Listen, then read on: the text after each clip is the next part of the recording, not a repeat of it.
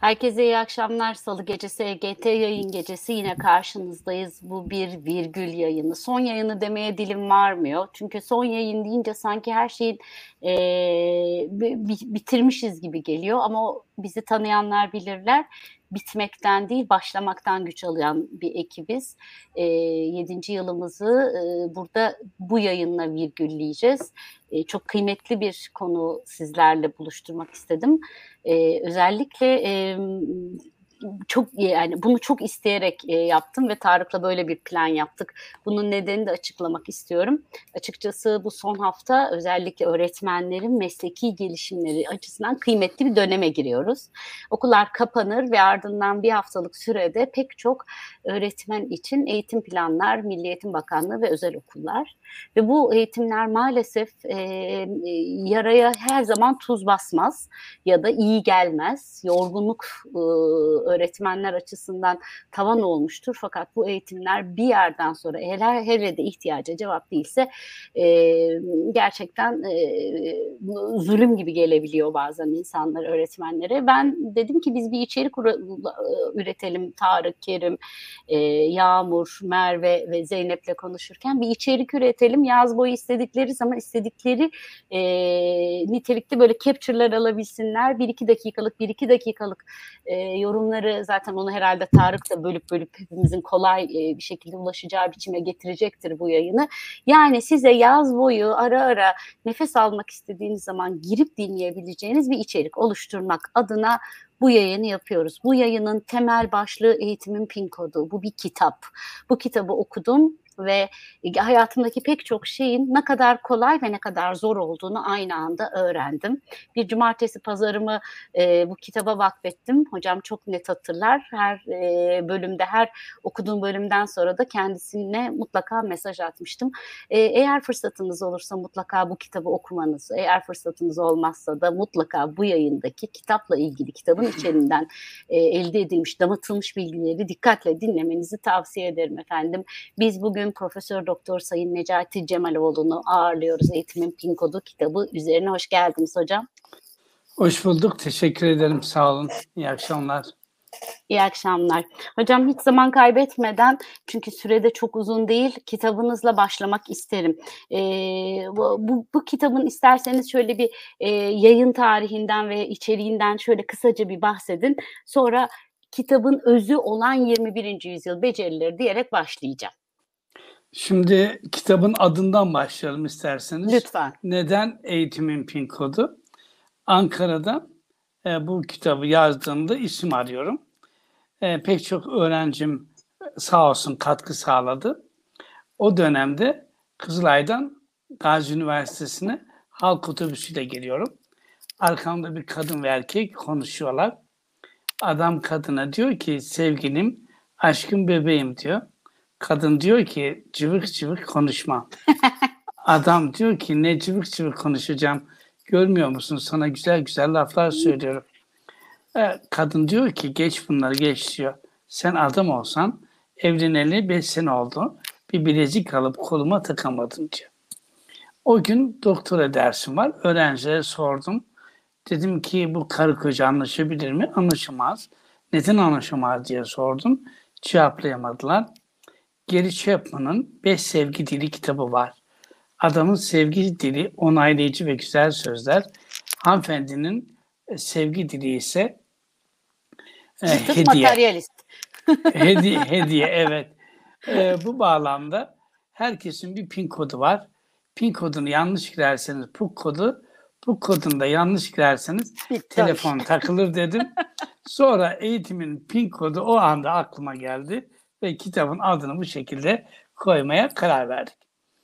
Ee, aslında kitap şöyle, benim düzenli olarak köşe yazılarımdan oluşan, hatta bu kitap için özellikle yazdığım bölümler de var.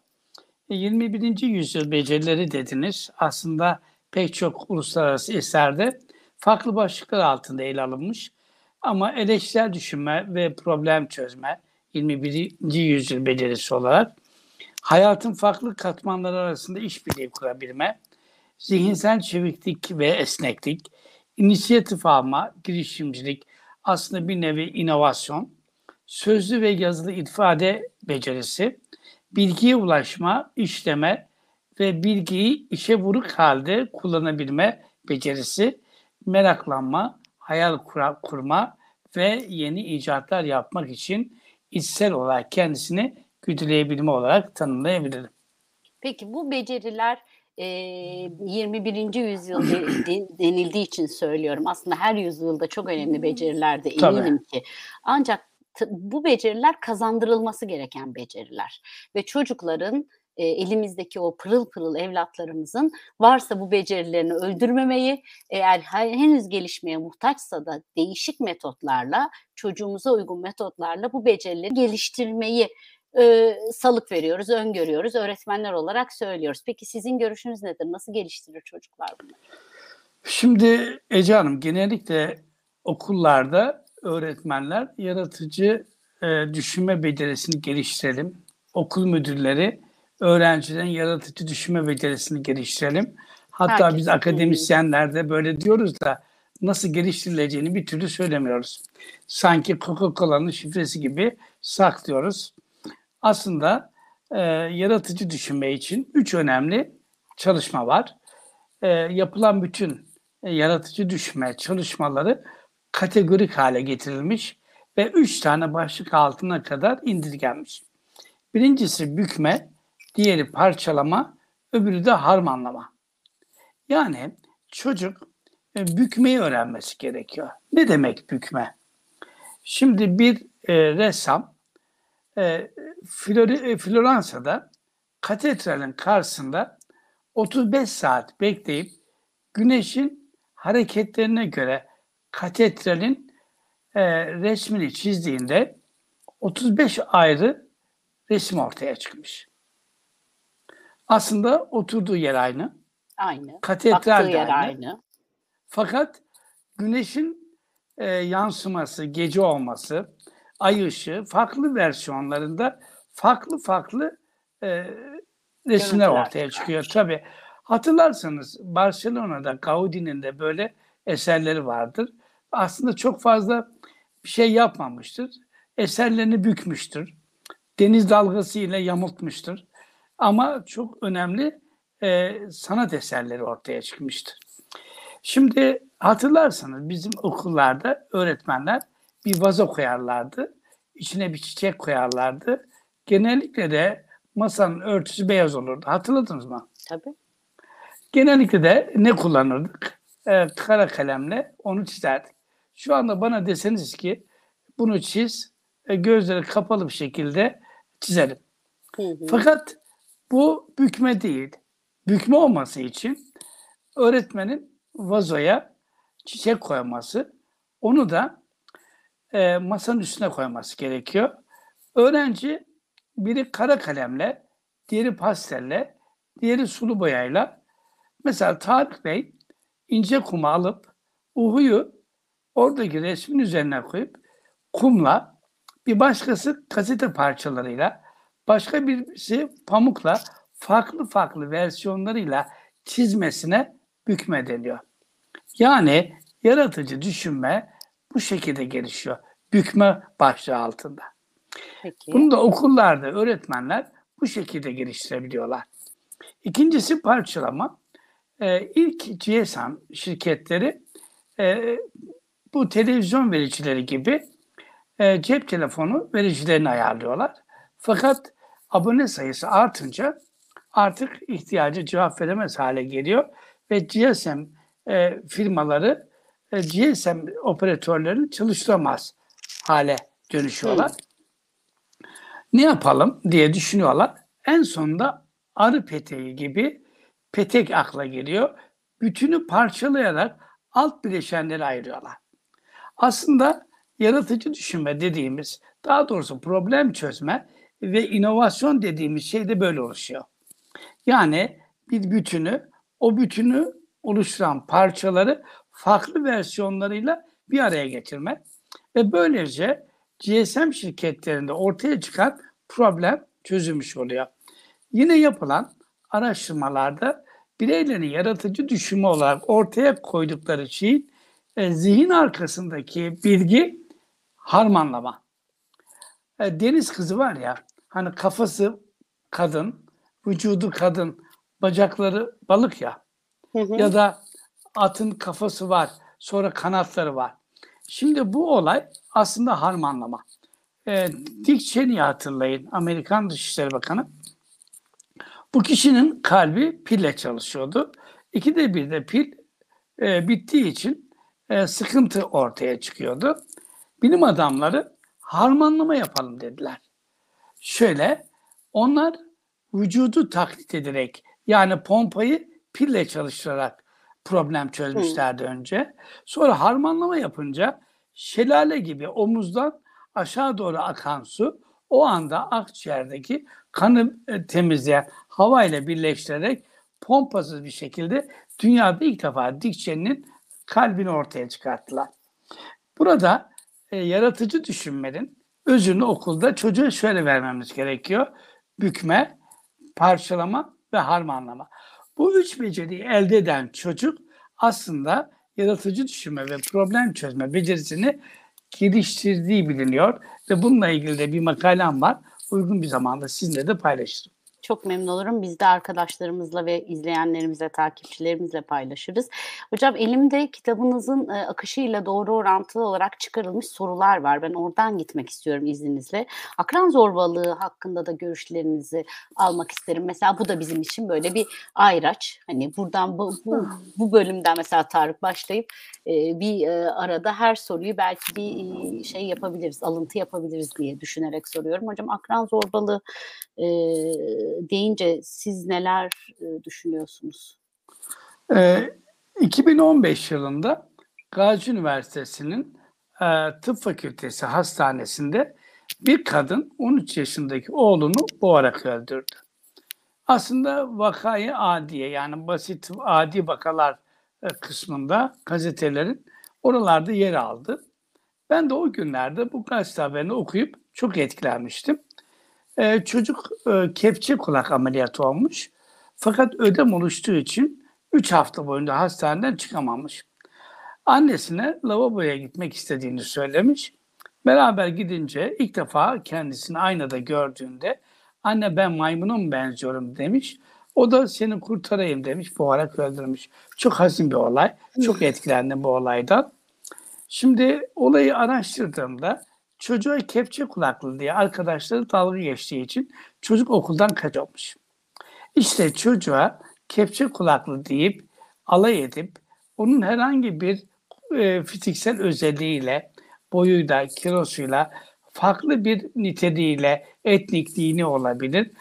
Akranların yani teenager'ların onu yok etmek, eleştirmek, onu psikolojik açıdan travmaya e, ulaştırmak amacıyla yaptıkları olumsuz davranışlara biz sıkıl bullying ya da akran zorbalığı diyoruz. Maalesef okullarda e, akran zorbalığı çok fazla yaşanıyor.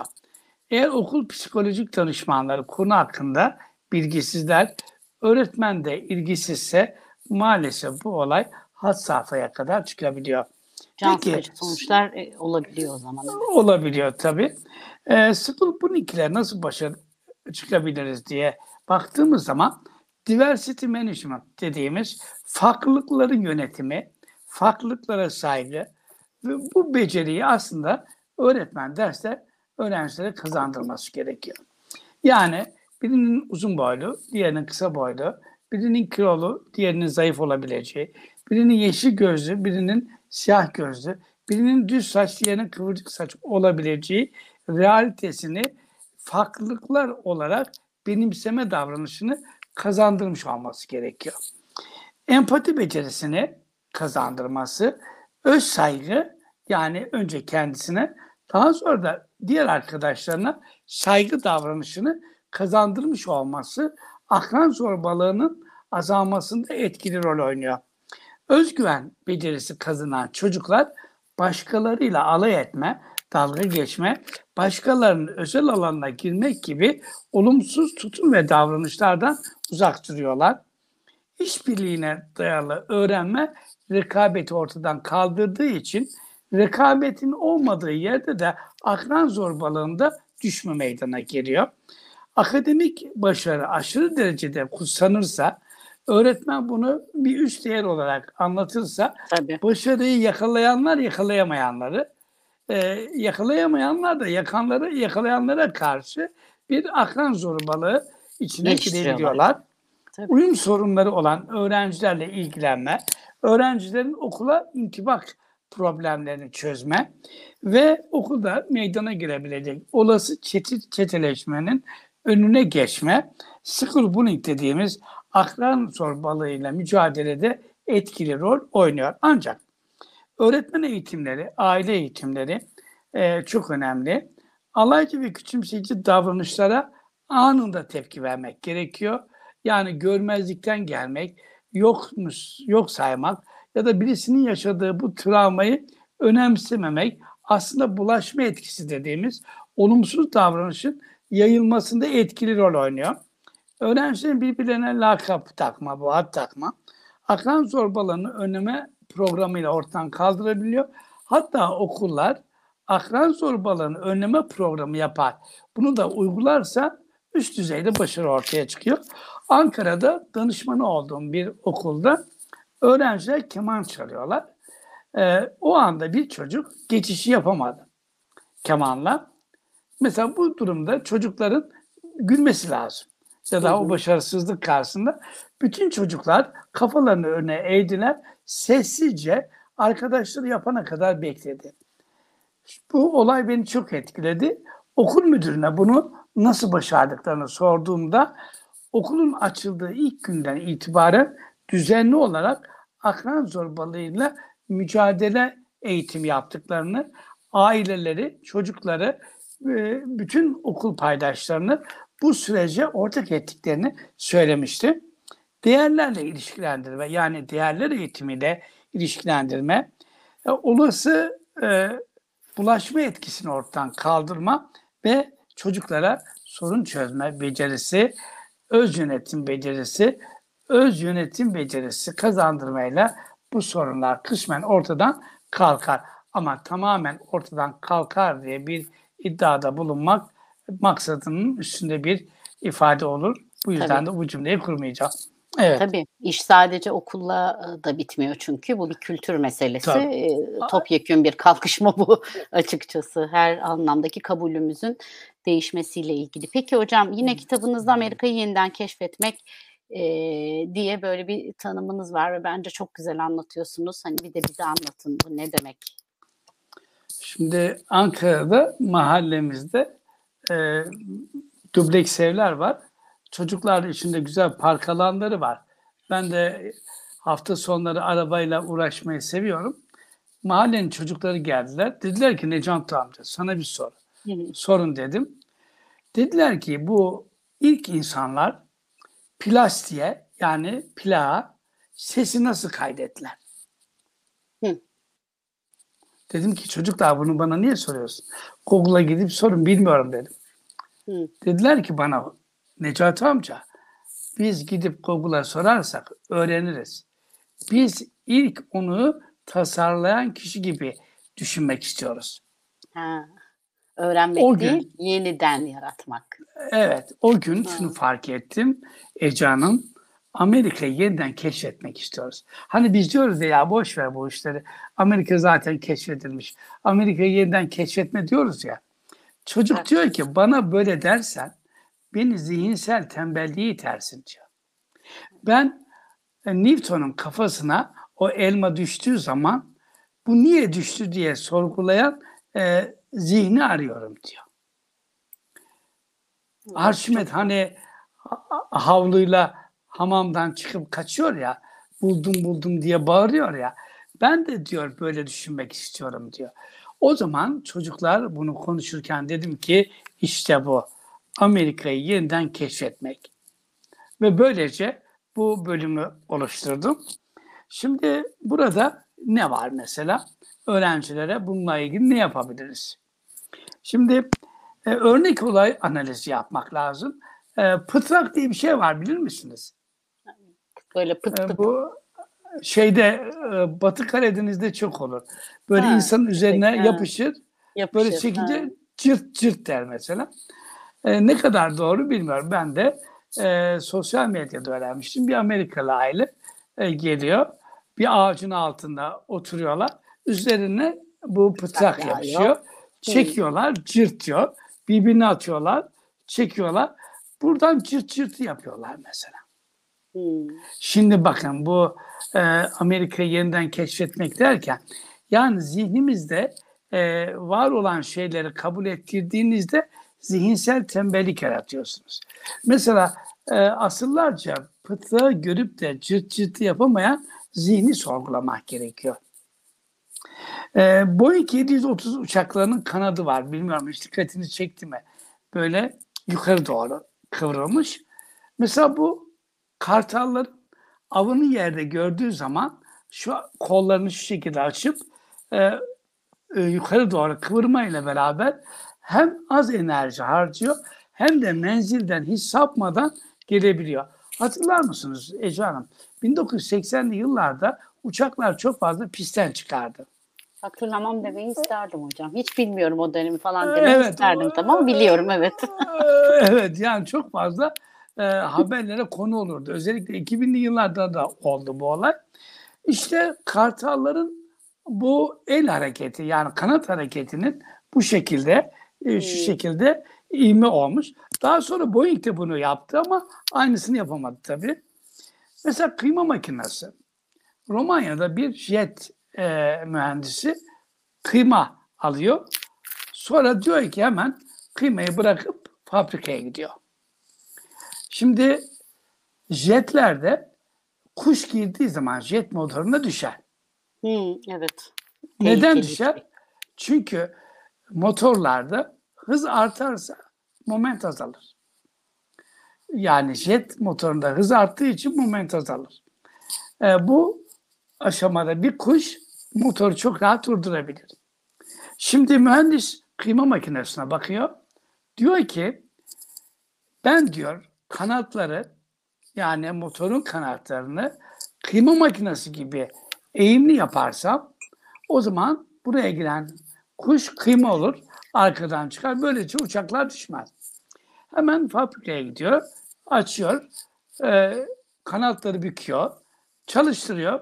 Beri taraftan, yani ön taraftan kuşu atıyor, arka taraftan kıyma oluyor. Böylece jetin düşmesi engellemiş oluyor. Tabii ben burada e, şunu düşünüyorum. Bizim mühendisler de kıyma alıyorlar. Evet. Onlar niye düşünmüyorlar diye düşünüyorum. Şimdi e, burada mesela e, Mercedes'in amortisörü de böyle. E, Mercedes'in önüne bir tavuk koyuyorlar. Hatta YouTube'da onunla ilgili çok ciddi anlamda videolar da var. Mercedes'in tavuğu diye geçer. Dağ yollarında, engebeli arazide geliyorlar. Vücut sallanıyor fakat kafa sabit. Vücut sallanıyor ama kafa sabit. E, tavuğu kesiyorlar. Anatomik yapısını inceliyorlar. E, yeni nesil e, Mercedes amortisörlerini böyle yapıyorlar. E, Musevi bir bilim insanı da iPhone'un kamera sistemini oradan yapıyor. Yani gövde sallanmasına rağmen kafanın sabit kalması. E, mesela bu da e, yeni tip şeylerde ortaya çıkan özellik. Aslında birçok örnek var. E, zaman kısa olduğu için hepsini veremiyorum. Tabii E, bu arada çocuklara- biri, biri yazmış, hoşuma gitti Kıvanç Ulutaş yazmış. Belki de bizim mühendisler vicdanlı demiş. Yani kuşu kıyma yapmak akıllarına gelmiyordu. E, Şimdi vicdan evet, meselesi belki. gü- güzel bir espri olmuş. Evet. e, şimdi değişik örnekler var. İnşallah uzun bir zaman olursa onları da e, anlatma olanağı elde ederim. Evet buyurun. Peki hocam, e, şimdi bazı soruları atlıyorum, bazılarını seçiyorum. Öğrencilere akıllısın demeyin diyorsunuz. Sık sık duyuyorum bunu, kitabınızda da var. Akıllısın demeyelim, onlara ne diyelim? Şimdi e, bu olay handikap psikolojisi diye geçer literatürde. Hı hı. E, şöyle handikap psikolojisi. E, çocuklar e, için anne babalar şöyle söylerler. Çok akıllı. Çok Biraz çalışsa, biraz Hepsini çalışsa yapacak. çok başarılı olacak. Şimdi çocuk bu sözü dinler ve şöyle bir içsel muhasebe yapar. Şimdi herkese ben bir ünvan kabul ettirmişim. Nedir? Akıllısın. Akıllı. Şimdi çalıştım velev ki Yapamadım. başarılı olamadım. O zaman akıllı olma ünvanını da kaybedeceğim. O zaman ben en iyisi mi akıllı ama tembel, çalışmıyor imajını sürdüreyim. Bu rolü oynamaya devam edeyim. Peki çocuklarla nasıl iletişim kurmamız lazım? Şimdi çocukların aslında zekasını övmek yerine çabasını övmek ya da övmek demeyeyim de e, ön plana çıkarmak diyeyim. Mesela çocuk geldi dedi ki anne baba ben matematikten 90 aldım. Aferin benim akıllı oğlum ya da aferin benim akıllı kızım demiyoruz. Şöyle diyoruz. Seni tebrik ediyorum. Demek ki kendine uygun bir yöntemle çalışmışsın. Doğru yöntemle istikrarlı şekilde çalışıyor olman seni başarıya taşımış. Demek ki diğer derslere de benzeri yöntemlerle çalışırsan daha başarılı olabilirsin. Hatta bu yöntemi daha da kendileştirirsen başarıyı, üst düzeyde başarıyı yakalaman olası hale gelecek diyerek süreci kutsarsak, süreci önemser, Çabayı yöntemi önemsersek. Aynen o zaman üst düzeyde başarı ortaya çıkabilir kanaatindeyim. Evet. Peki hocam çocukların davranışlarını değiştirmek e, hem aileler hem öğretmenler açısından e, hayati bir şey. Zaten eğitimin tanımı biliyorsunuz istendik davranış değişikliği. E, Bu konuda e, bir pin kodu var mı hocam? Ya şöyle anlatayım. Bir gün odamdayım. Bir adam geldi. Yanında oğlu var. Ee, dedi hocam 6 tane zayıf var dedi. Niye çalışmıyorsun dedim. Çalışıyorum dedi. Delikanlı ol dedim. Çalışıyorum dedi. Babasına dışarı çık dedim. Çıktı. Neden çalışmıyorsun dedim. Babama söylemezsen söylerim dedi. "Hmm, Peki dedim söylemem. Neden çalışmıyorsun dedim. Necat amca dedi. Kel kalmak istemiyorum. Onun için çalışmıyorum. Ne alakası var dedim. Dedi ki bütün okumuş adamların saçları dökülüyor. Hmm, bilgi. Bakın burada çok önemli bir şey var. Bilgi. Çok derse çalışırsam saçlarım dökülür. Tutum, kel kalmaktan nefret ediyorum. Davranış, beni kel bırakacak. Ders çalışmaya hayır, hayır, hayır. Herkes neyi de- değiştirmeye çalışmış? Davranış. Gel bakalım delikanlı dedim. Geldi yanıma. İnternete girdik. Eğitim gördüğü halde saçları dökülmeyen, eğitim görmediği halde saçları dökülen kişiler gösterdi. Saç dökülmesiyle genetik yapı ve biyolojik özellikler arasındaki ilişkiyi anlattım. Babası beni arıyor. Ne yaptın diye. Diyorum "De- ne yaptım? Çocuğun bilgisini değiştirdim. Bilgisi değiştiği zaman doğal olarak da tutum değişti. Tutum değişince de davranış değişir. Aslında şöyle düşünelim. Mesela Papua Yeni Gine'lileri seviyor musun diye çocuklara soruyorum. Çocuklar diyorlar ki seviyoruz hocam. Diyorum ki kaç tane Papua Yeni Gineli arkadaşınız var? Yok. Bilgi yoksa tutum oluşmadı aslında. Mesela hiç avokado yemediyseniz bir avokadoyu seviyorum ifadesi aslında e, çok da geçerli bir ifade değil. Bu yüzden de önce bilgiye bakmak, bilgiden sonra tutuma odaklaşmak, tutumundan sonra davranış. Eğer bilgiyi değiştirirseniz tutum değişir, tutum değişirirseniz de davranış değişir diye düşünüyorum. Ee, çocuklarda gelecek körlüğü hocam. Ee, ben e, pek çok ıı, gençler çalışıyorum. Ee, biliyorsunuz siz de hem de 9. sınıflara bu yıl derslerine girdim bir yıldır. Ve e, öz geleceklerini yazdırmak, e, bir e, hayal kurmaları anlamında çok da imkanlı gelmiyor. Eğer belirli bir e, şey oluşturmazsanız onları, belirli sorular sormazsanız kendilerini bir yerde göremiyorlar. E, bu tabii biraz da yine yani aynı mantıkta bir gelecek körlüğü e, cümlesini de aklımıza getiriyor. Kitapta da buna yer vermişsiniz. Biraz açıklar mısınız rica etsem? Şimdi e, Ece Hanım olay şu. E, bir Amerika'da deney var. Üç tane kişi alınıyor. Üçüne de kumarhanede e, marka veriliyor. Şimdi e, oynuyorlar, kaybediyorlar. Kaybeden iki kişi yavaş yavaş kaybettikçe çekilmeye başlıyor. Fakat biri var ki kaybettiği halde borç bonus alıyor yani marka alıyor yeniden devam ediyor. Şimdi bu kişiler üzerine yapılan araştırmalarda aslında frontal lobun çok fazla gelişmediği görülüyor. Ha.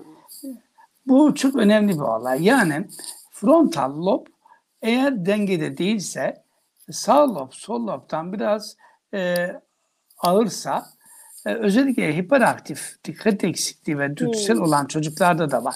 Şöyle bir şey duydunuz mu? E, insanlar 24 yaşına kadar olgunlaşır. Aslında insanların 24 yaşına kadar olgunlaşır ifadesinin altında e, gelecek körlüğü vardır. Çünkü insanların e, zihinsel kapasiteleri, öğrenme becerileri aslında e, 13, 14, 15, 16 yaşında öğrenilebilir. Fakat bireyin duyguları yönetme, duyguları kontrol etme, hedonizmi kontrol altına alma, geleceği fark etme, geleceği yönetebilme kapasitesi aslında duygu yönetimiyle alakalıdır. Genellikle suç işleme oranlarına bakarsanız 18 ile 24 yaş arasında daha fazladır. Neden? Çünkü e, gelecek körlüğü dediğimiz yani ön lobun çok fazla gelişmemiş ya da geç olgunlaşma dediğimiz bilmiyorum çevrenizde çok kullanılıyor mu? Geç olgunlaşma. Bazı insanlar çok geç olgunlaşır.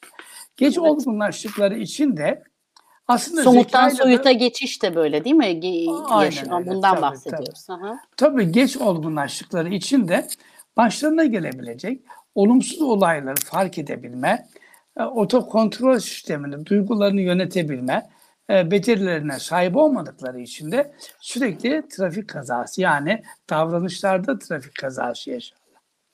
Bu buna gelecek körlüğü adı veriliyor. Aslında hani halk arasında çok yaygın bir şey var. Aşkın gözü kördür diye.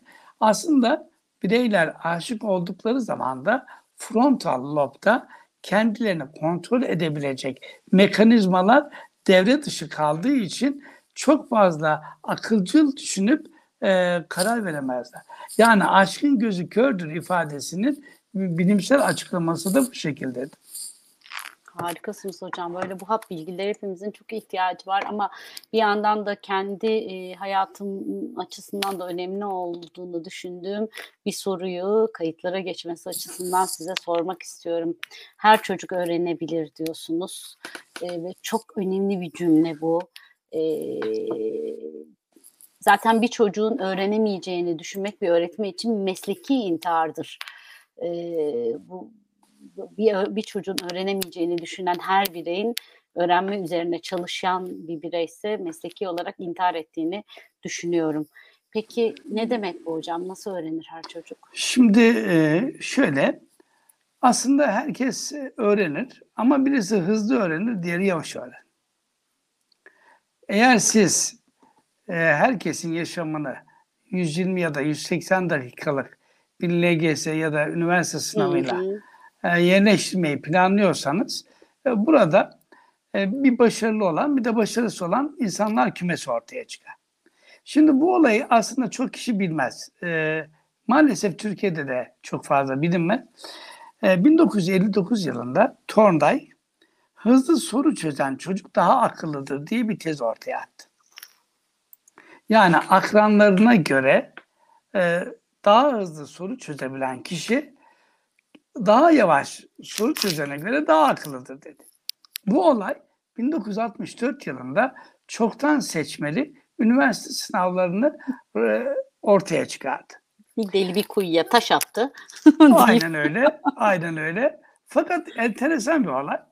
Bu olay Todroz'u okudunuz mu? Bilmiyorum. Ee, çok güzel bir kitabı vardır. Siz Ortalamanın yine sonu. önermiştiniz bana hocam. Evet evet. Todros orada diyor ki yapılan araştırmalarda akranlarına göre daha hızlı soru çözen çocuklar ak- akranlarına göre zeki oldukları için değil, frontal lobları akranlarına göre daha hızlı geliştiği için soru çözüyorlar. Şimdi bakın Hmm. burada çok ilginç bir durum ortaya çıkıyor. Yani e, daha hızlı soru çözüp iyi üniversitelere aldığını çocuklardan neden son 20-30 yıldan beri iyi bir bilim adamı yetiştiremedik derken aslında burada mesela bir örnek vereyim size. Benim frontal lobum çok fazla gelişmemiş. Benim. Hayırdır hocam? yani şöyle şöyle gelişmemiş. Kendi yazdığım soruların cevabını bile cevap anahtarına bakarak yapıyor. Evet evet. E, tuhaf bir olay değil mi? Fakat ben bunu fark etmişim demek ki çocukluk yıllarımda hep sınavlarda çizerek çapraz tablo oluşturarak soru çözmüşüm. İşte bu da zeka Böylece işte bakın demek ki bu problem aslında şöyle frontal lobu gelişmeyen çocuklar için e, grafik yapmak, e, şekil çizmek, şemalar üzerinde ya da cross-table tablolarla sorun çöz, soru çözmek onların da akademik başarılarını artırıyor. Şimdi burada Şuşkind e, çok önemli bir noktaya değiniyor. Diyor ki 6 aylıktan 6 yaşına kadar her akşam hikaye anlatılan çocuklarda dinleme, izleme, anlama becerisi gelişir. 3 yaşından itibaren de anlatma becerisi ortaya çıkar. 30 e, milyon kelimeyle muhatap olur. Peki bu önemli mi? Şöyle, insan beyni kelimelerle düşünür. Ne kadar çok kelime biliyorsa o kadar orijinal şeyler düşünebilir. Ne kadar çok orijinal şeyler düşünüyorsa o kadar güzel yazabilir, o kadar güzel e, anlatabilir. Şimdi bakalım. Eğitim sistemleri Türkiye'de ve dünyada önce dinlemeyle alakalıdır. Yani birisini dinleme becerisine sahip olmayan çocuk okulda akademik başarısını artıramaz. Dinleme. Şimdi 6 aylıktan itibaren sürekli hikaye anlatılan çocuklarda dinleme becerisi ortaya çıkıyor. Sonra izleme becerisi ortaya çıkıyor. Mesela üç defa masaya vuruyorlar. Böyle 6 aylık bir çocuğa. Daha sonra üçgen gösterildiğinde üçgeni dikdörtgenden ayırt edebiliyor. O kadar ilginç bir durum ortaya çıkıyor. Şimdi çocuğun kelime dağarcığı da ortaya çıkınca okula gittiğinde akranlarına göre üst düzeyde performans sergiliyor. Yani dinleme, izleme, sonra anlama, okuma becerisi, anlatma becerisi yazılı ve sözlü. Zaten bu beceriyi kazanan çocuk e, doğal olarak da akademik başarısı artıyor. Şimdi bu çocuklar üzerine yapılan başka bir araştırma daha var. O da şu. Mesela anne canım biraz ekmek istedi kızım ekmek ver dediğinde e, çocuk ekmek verdiğinde matematiksel düşünme becerisi gelişmiyor. Ama ama anne kızım çok fazla iştahım yok. Ekmeğin dörtte birini bana verir misin dediğinde o bir bütünü dört parçaya bölüp bir parçasını veriyorsa baba bardağın tamamını içmeyip üçte birini içtiğinde üçte ikisinin bardakta kaldığını yani matematiksel kavramların günlük olarak evde Hayatın 1250'nin üzerinde kullanılan ailelerde yetişen çocukların e, matematiksel düşünme becerilerinde üst düzeyde artış gözlenmiş ve bu yüzde 60'a kadar tırmanmış enteresan bir durum. Bir de Bu arada günlük, hocam benim efendim, bugün bugün e, yaptığım bir sohbette e, konuştuğum bir şeyi sizle paylaşmak istiyorum. Biliyorsunuz yabancı dilde, yabancı dil öğrenirken bir takım becerileri geliştiriyoruz. Temel beceriler, konuşma becerisi, işte speaking, yazma becerisi, writing, dinleme becerisi, listening ya da okuma becerisi, reading gibi dört temel alanda çocukların becerilerini geliştirmeye çalışıyoruz. Bu İspanyolca öğrenirken de böyle bu metodu kullanıyoruz. Bütün dünya bunu kullanıyor. Dört temel alanda çocukların gelişimi. Fakat biz ana dilimizi e, geliş geliştirirken, ana dili e, kullanırken veya yorumlarken hiç bu beceriler tarafından sınanmıyoruz. Mesela ben hiçbir zaman hayatımda konuşma becerisi anlamında sınanmadım ya da e, bu anla, yani hiçbir ölçme değerlendirmeden geçmedim. Üstelik de nasıl yapacağımı da bilmedim. Hani biraz kör topal e, diyoruz ya buradaki gelişimi. Dünyaya baktığınız zaman bugün öğrendim hocam. Dünyada pek çok e, bilim insanı kendi ana dilinin öğrenilmesinde dört dil becerisinin gelişmesi konusunda çalışıyorlarmış. E, yani düşünsenize biz dinleme becerimizin hiç ölçmedik. Okulumuz hiçbir zaman bu yani biz Türkçeyi işte Mehmet Akif Ersoy kaç kıta şiir falan diye öğreniyoruz genelde. Ya da işte yazma becerisini kompozisyon yazma kuralları, giriş gelişme sonuç diye öğretiyoruz. Oysa ki normal bir yabancı dili öğrenir gibi dört temel beceri üzerinden çocukları sınasak belki sonuçlar farklı olacak. Çocuklara niye kitap okumuyorsun diyoruz. Kitap okumalısın diyoruz. Fakat bu beceriyi ölçüp değerlendirmediğimiz için de yol haritası çıkaramıyoruz diye. Ben bugünkü bir sohbette e, bir öğretmen, bir hocamla yaptığım sohbette bunu konuştum açıkçası e, o bana bunu anlatınca da çok aydınlandım. Sizle de paylaşmak istedim. Tabii ki düşüncenizi merak ediyorum ama ana dil becerisinin gelişiminde de bu dört temel becerinin gelişiminin takip edilmesi, buna ait programların çıkarılmasının kıymetli olduğunu düşünüyorum. Çok isabetli bir e, görüş şöyle. E, ben e, bazen veliler bana geliyor. Hocam okula gitmeden önce çocuğa matematik okuma yazma öğretsek nasıl olur diye soruyorlar. Ben diyorum ki hiç o topa girmeyin. Ne yapalım diyorlar? Çocuğunuza dinleme becerisi kazandırın. Çocuğunuza anlama becerisi kazandırın. Çocuğunuza izleme becerisi, özellikle yönerge takip etme becerisi kazandırın. Ama bu konuda elimizde bir metot da yok hocam. Çalışılmış bir metot da yok Türkçe üzerine. Yabancı dilde var. Yani bizde şöyle bir durum var e, Türkçeyi paragraf düzeyinde anlama becerisine sahipseniz Türkçeyi biliyorsunuz diye böyle ilginç bir evet. algı var. Evet. Türkçecilerin bu konuda aslında daha dikkatli çalışmaları gerekiyor. Belki dilcilerle e, birlikte çalışsalar hani yabancı dil çalışan kişilerle e, daha da önemli şeyleri ortaya koyma Aynen. olanı elde edebilirler. E, bu bağlamda benim önerim çocuklara e, bu becerileri kazandırırsanız çocuk uçmayı, yüzmeyi ve koşmayı öğrenecektir. Ve bu da onların akademik başarılarının artmasında etkili rol oynayacaktır. Çünkü çocuk anlamazsa problemi çözemez. Anlamazsa e, herhangi bir metindeki ifade edilen durumu ölçülemez. Bir de sosyal hayattaki e, ilişkileri iyi kurmak.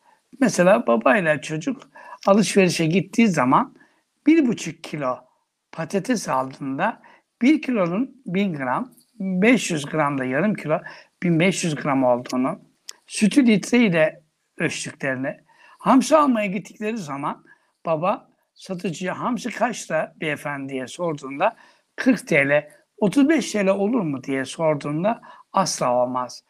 Israrcı olduğu zaman hamsi kavağa çıksa olmaz. O anda çocuk orada dinliyor bir de, ne oldu? Bir atasözü. Hamsi kavağa çıksa olmaz. Ne demek bu? Hamsi kavağa çıkması ne kadar imkansızsa benim de 40 liraya sattığım hamsiyi 35 TL'ye satmam o kadar imkansız anlamına Zaten geliyor. Zaten bunu anlatırken Bakın, o hamsi oldu 60 lira hocam. Hani bu arada evet. Şimdi Ece Hanım buradaki olay şu. Ee, çocukları yaşamla ilişkilendirmek. Biz her nedense okulu hapsediyoruz. Mesela şuna iddia ediyorum. İlkokul birden 8. sınıfa kadar, ortaokul 8. sınıfa kadar tüm matematik, fen bilgisi, sosyal bilgiler konuları aslında günlük hayatta çok rahat verilebilir. Biz var ya bunu e, böyle kuramsal bir bilimi, bilgiymiş gibi, sanki kutsal bir metinmiş gibi sınıfa hapsediyoruz. Mesela çocuk metnin az katlarını, üst katlarını niye ezberlesin ki? Bir kilogram, bin gramı işte e, dönüştürmek için onlarca işleme niye boğulsun ki? Önce mantığını anlasın. Bir insan öğrenilecek herhangi bir nesnenin mantığını anlayabilirse aslında çok rahat e, pozitif transferi de yapabiliyor. Yani 37 yıllık bir hoca olarak söylüyorum. E, bu tür deneyimlerimi de e, önemsiyorum. E, çünkü çok fazla deneyimleme olanağım oldu. E, çocuk da öncelikle anlama becerisi yani zihninde şamalandırma becerisi oluşmuşsa her şeyi öğrenebiliyor. Ne zaman öğrenemiyor? Şama oluşturamamışsa. Piaget de zaten bunu söylüyor.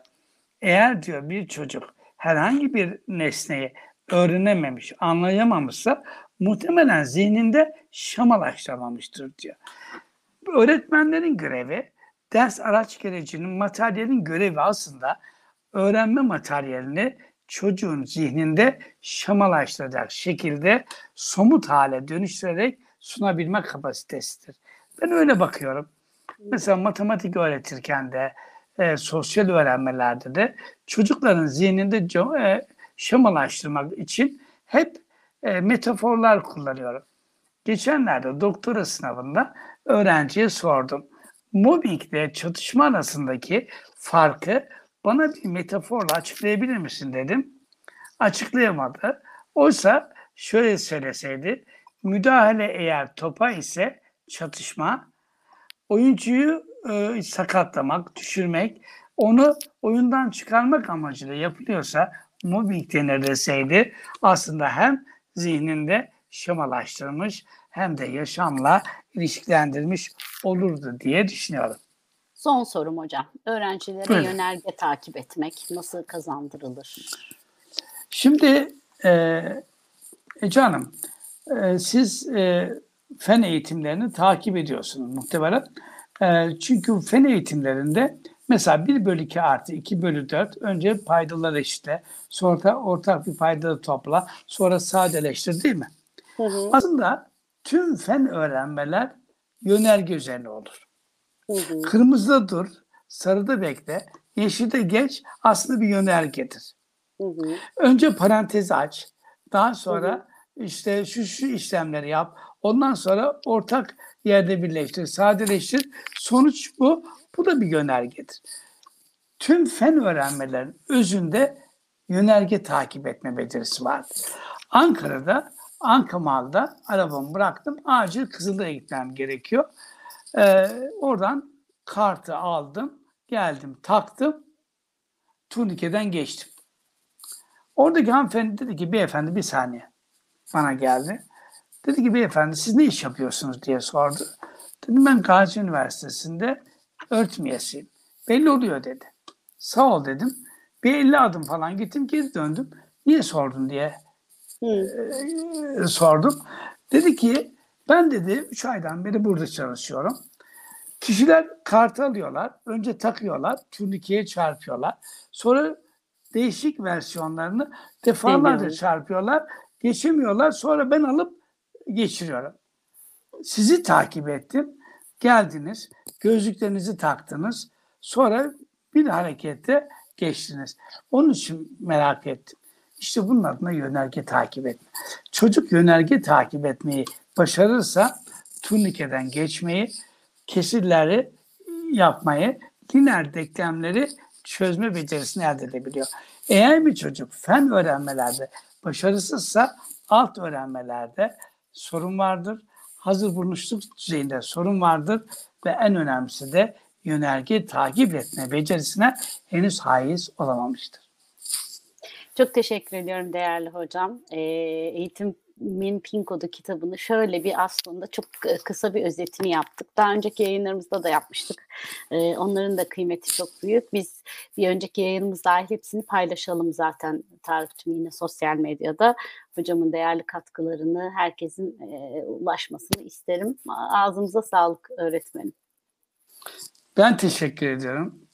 Bu akşam konuğumuzu aldık e, kitabımı ve kendimi anlatma olanağı buldum. İnşallah katkım olmuştur. Teşekkür ederim. Sağ olun hocam. Sevgili öğretmen dostlarım, sevgili anne ve babalar e, ve bizim yol arkadaşlarımız. Bugün e, burada Musanat Kıvanç, Ulutaş, Elif Yılmaz, e, Salih Ademir, Mehmet Gelişken, e, Muhammed Küçük Akıncı, Sercan Türkmen, Dilek Karaçelik, İlhami Serdar Karaman, Birgül Aşık, Şule Yurcu, Merve Aydın, Elif Yılmaz e, isimlerini gördüm. E, güzel mesajları için de herkese çok teşekkür ediyorum. Biz bu dönemin son yayınını yapıyoruz. Her zaman olduğu gibi 7. yılımızda da okullar açıldıktan bir hafta sonra yayınlara başlayıp okullar kapanmadan bir hafta önce e, virgül koyuyoruz EGT yayınlara. İyi bir yaz tatili diliyorum size. Yaz tatili öğrenme alanı hepimiz için mesleki olarak gelişmek için. E, karne dönemindeyiz. Ben de karne dolduruyorum Ee, özellikle öğretmen dostlarıma rubriklerini çok sağlam oluşturmaları konusunda e, böyle bir hani meslektaş dayanışması babında bir iki cümle etmek istiyorum. E, her çocuk Doğan Cüceloğlu'nun anekdotlarında Allah rahmet eylesin e, anekdotlarında yer aldığı gibi hepimize bir böyle hani e, bana açıkçası bir tokat gibi inen sözcükleri vardı. Derdi ki, der ki her çocuk başarmak ister. Aslında her birey, hepimiz hayatımız boyunca başarmak istiyoruz. Başarı her zaman bize iyi geliyor. İnsanın varlığı başarı üzerine, başarmak üzerine kurulu. Ve her çocuk başarmak istiyor. Başaramadığını hissettiği zaman vazgeçiyor, pes ediyor. hele toplumsal ve işte demin hocamın anlattığı gibi akıllı olması üzerine kurulmuş bir ev iklimi hikayesi varsa ki birçok Türk toplumunda birçok çocuğumuz böyle yetişiyor. O çocuk başarısızlık sonucunda çoktan ipin ucunu bırakıyor ve aslında kendine ihanet ediyor. Bizim görevimiz eğitimci olarak görevimiz çocukların başaracaklarına olan inançlarını pekiştirmek. Yoksa hiç kimse öğrenmek istemediği hiçbir şeyi öğrenmiyor. Bizim hiç kimseye, hiçbir bireye yaşı kaç olursa olsun ihtiyacı olmayan, ilham duymadığı, heyecanlanmadığı, e, e, işinin başına düşmediği bir şeyi öğretmek gibi bir e, becerimiz yok öğretmenler olarak. Biz olsa olsa e, çocuklarımıza ilham verebiliriz, onların tutkularını ateşleyebiliriz, onların öğrenme yolculuğu yolculuklarındaki e, metaforları oluşturabiliriz ve destek olabiliriz. İşte bence tam da işte karne döneminde her çocuğun karne notunu oluştururken onun başarma duygusunu ve öğrenmeye olan e, bağını nasıl e, bir araya getirdiğimizi gözden geçirmemiz gerekiyor. Pek çok e, öğretmenimle bu aralar sohbet ediyorum. E, yazılılar kadar sözlerin, sınıf içi etkinliklerin çok önemli olduğu konusunda birbirimizin elini sıkıyoruz. E, çünkü bu yüzyıl özellikle e, öğrenmeye bağ kurmaya çalışan çocukların yüzyılı oldu, yılları oldu. Onlar bizim gibi değiller. Bizim eğitim sistemimiz gibi, bizim e, eğitildiğimiz gibi eğitilmiyorlar, öğre öğrenmiyorlar. Onların öğrenme yolculuğunda kendilerini keşfetmelerine fırsat vermekten başka yapacak bir şeyimiz yok. Değerli hocamın da söylediği gibi her öğrenci kendi stiliyle bir parmak izi kadar farklı biçimde öğreniyor. Bizim onları ölçüp değerlendirirken aslında kendi programımızı, kendi öğretmenliğimizi, kendi mesleki becerilerimizi ölçüp değerlendirdiğimizi unutmamamız gerekiyor. Ben bu gözle bütün öğrencilerime bakıyorum.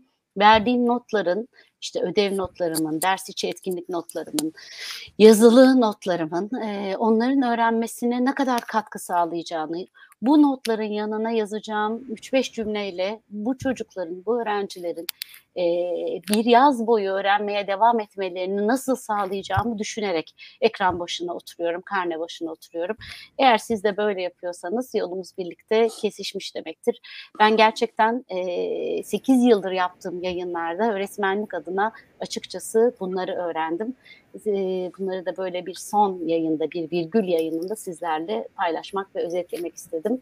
E, efendim biz e, yeni eğitim yılında e, tekrar karşınızda oluncaya kadar izin rica ediyoruz. E, değerli ekip arkadaşlarım e, Kerim Karaköse, Tarık Emir Ergün, Yağmur Gür, Merve Aydın ve Zeynep Ergenç'le yeni yıla tekrar hazırlanacağız. Eğer siz de bize soru, görüş veya kıymetli bulduğunuz konuk önerilerinize ulaşmak isterseniz her zaman yine Twitter'da ve sosyal medyada üreteceğimiz içeriklerle yanınızda olmaya devam edeceğiz. E, gönüldaşlarımla, gönül dostlarımla hiçbir şekilde ayrıldığımızı düşünmüyorum. Hepimiz bir e, telefonun, bir e, sosyal medya aracının ucundayız. Gücüm gücünüz olsun öğretmenlerim. Bu yaz sizin için de bizim için de iyi geçsin. İnşallah bunca pandemi, işte sağlık sorunları, ekonomik sorunlar ve hayatta kalma konusunda yaşadığımız bütün bu sorunları geride bırakıp yeni bir eğitim döneminde çok heyecanla ekranda yine karşınızda oluruz diye umut ediyorum. Sağlıkla kalın, huzurla kalın, iyi kalın, hoş kalın. İyi akşamlar efendim. İyi akşamlar. Sevgili meslektaşlarım merhaba. Merhabalar sevgili öğretmen arkadaşlarım. Sevgili öğretmenler merhabalar. Merhaba sevgili öğretmenleri. Bugün sizler Bu eğitim yolculuğunda bu video serimizde Bu eğitimde sizlere farklılaşmış öğretim üzerine aktif öğrenme deyince aklınıza neler geliyor? Eğitimde oyun ve oyunlaştırma soruşturma temel ders planı ne olduğunu, Bir öğretmenin dijital araçlarla ders planı daha nasıl verimli hale getirebilirsiniz bunlarla ilgili paylaşımlarda bulunuyor olacağım. İsterseniz şimdi öğrenme nedirle başlayalım.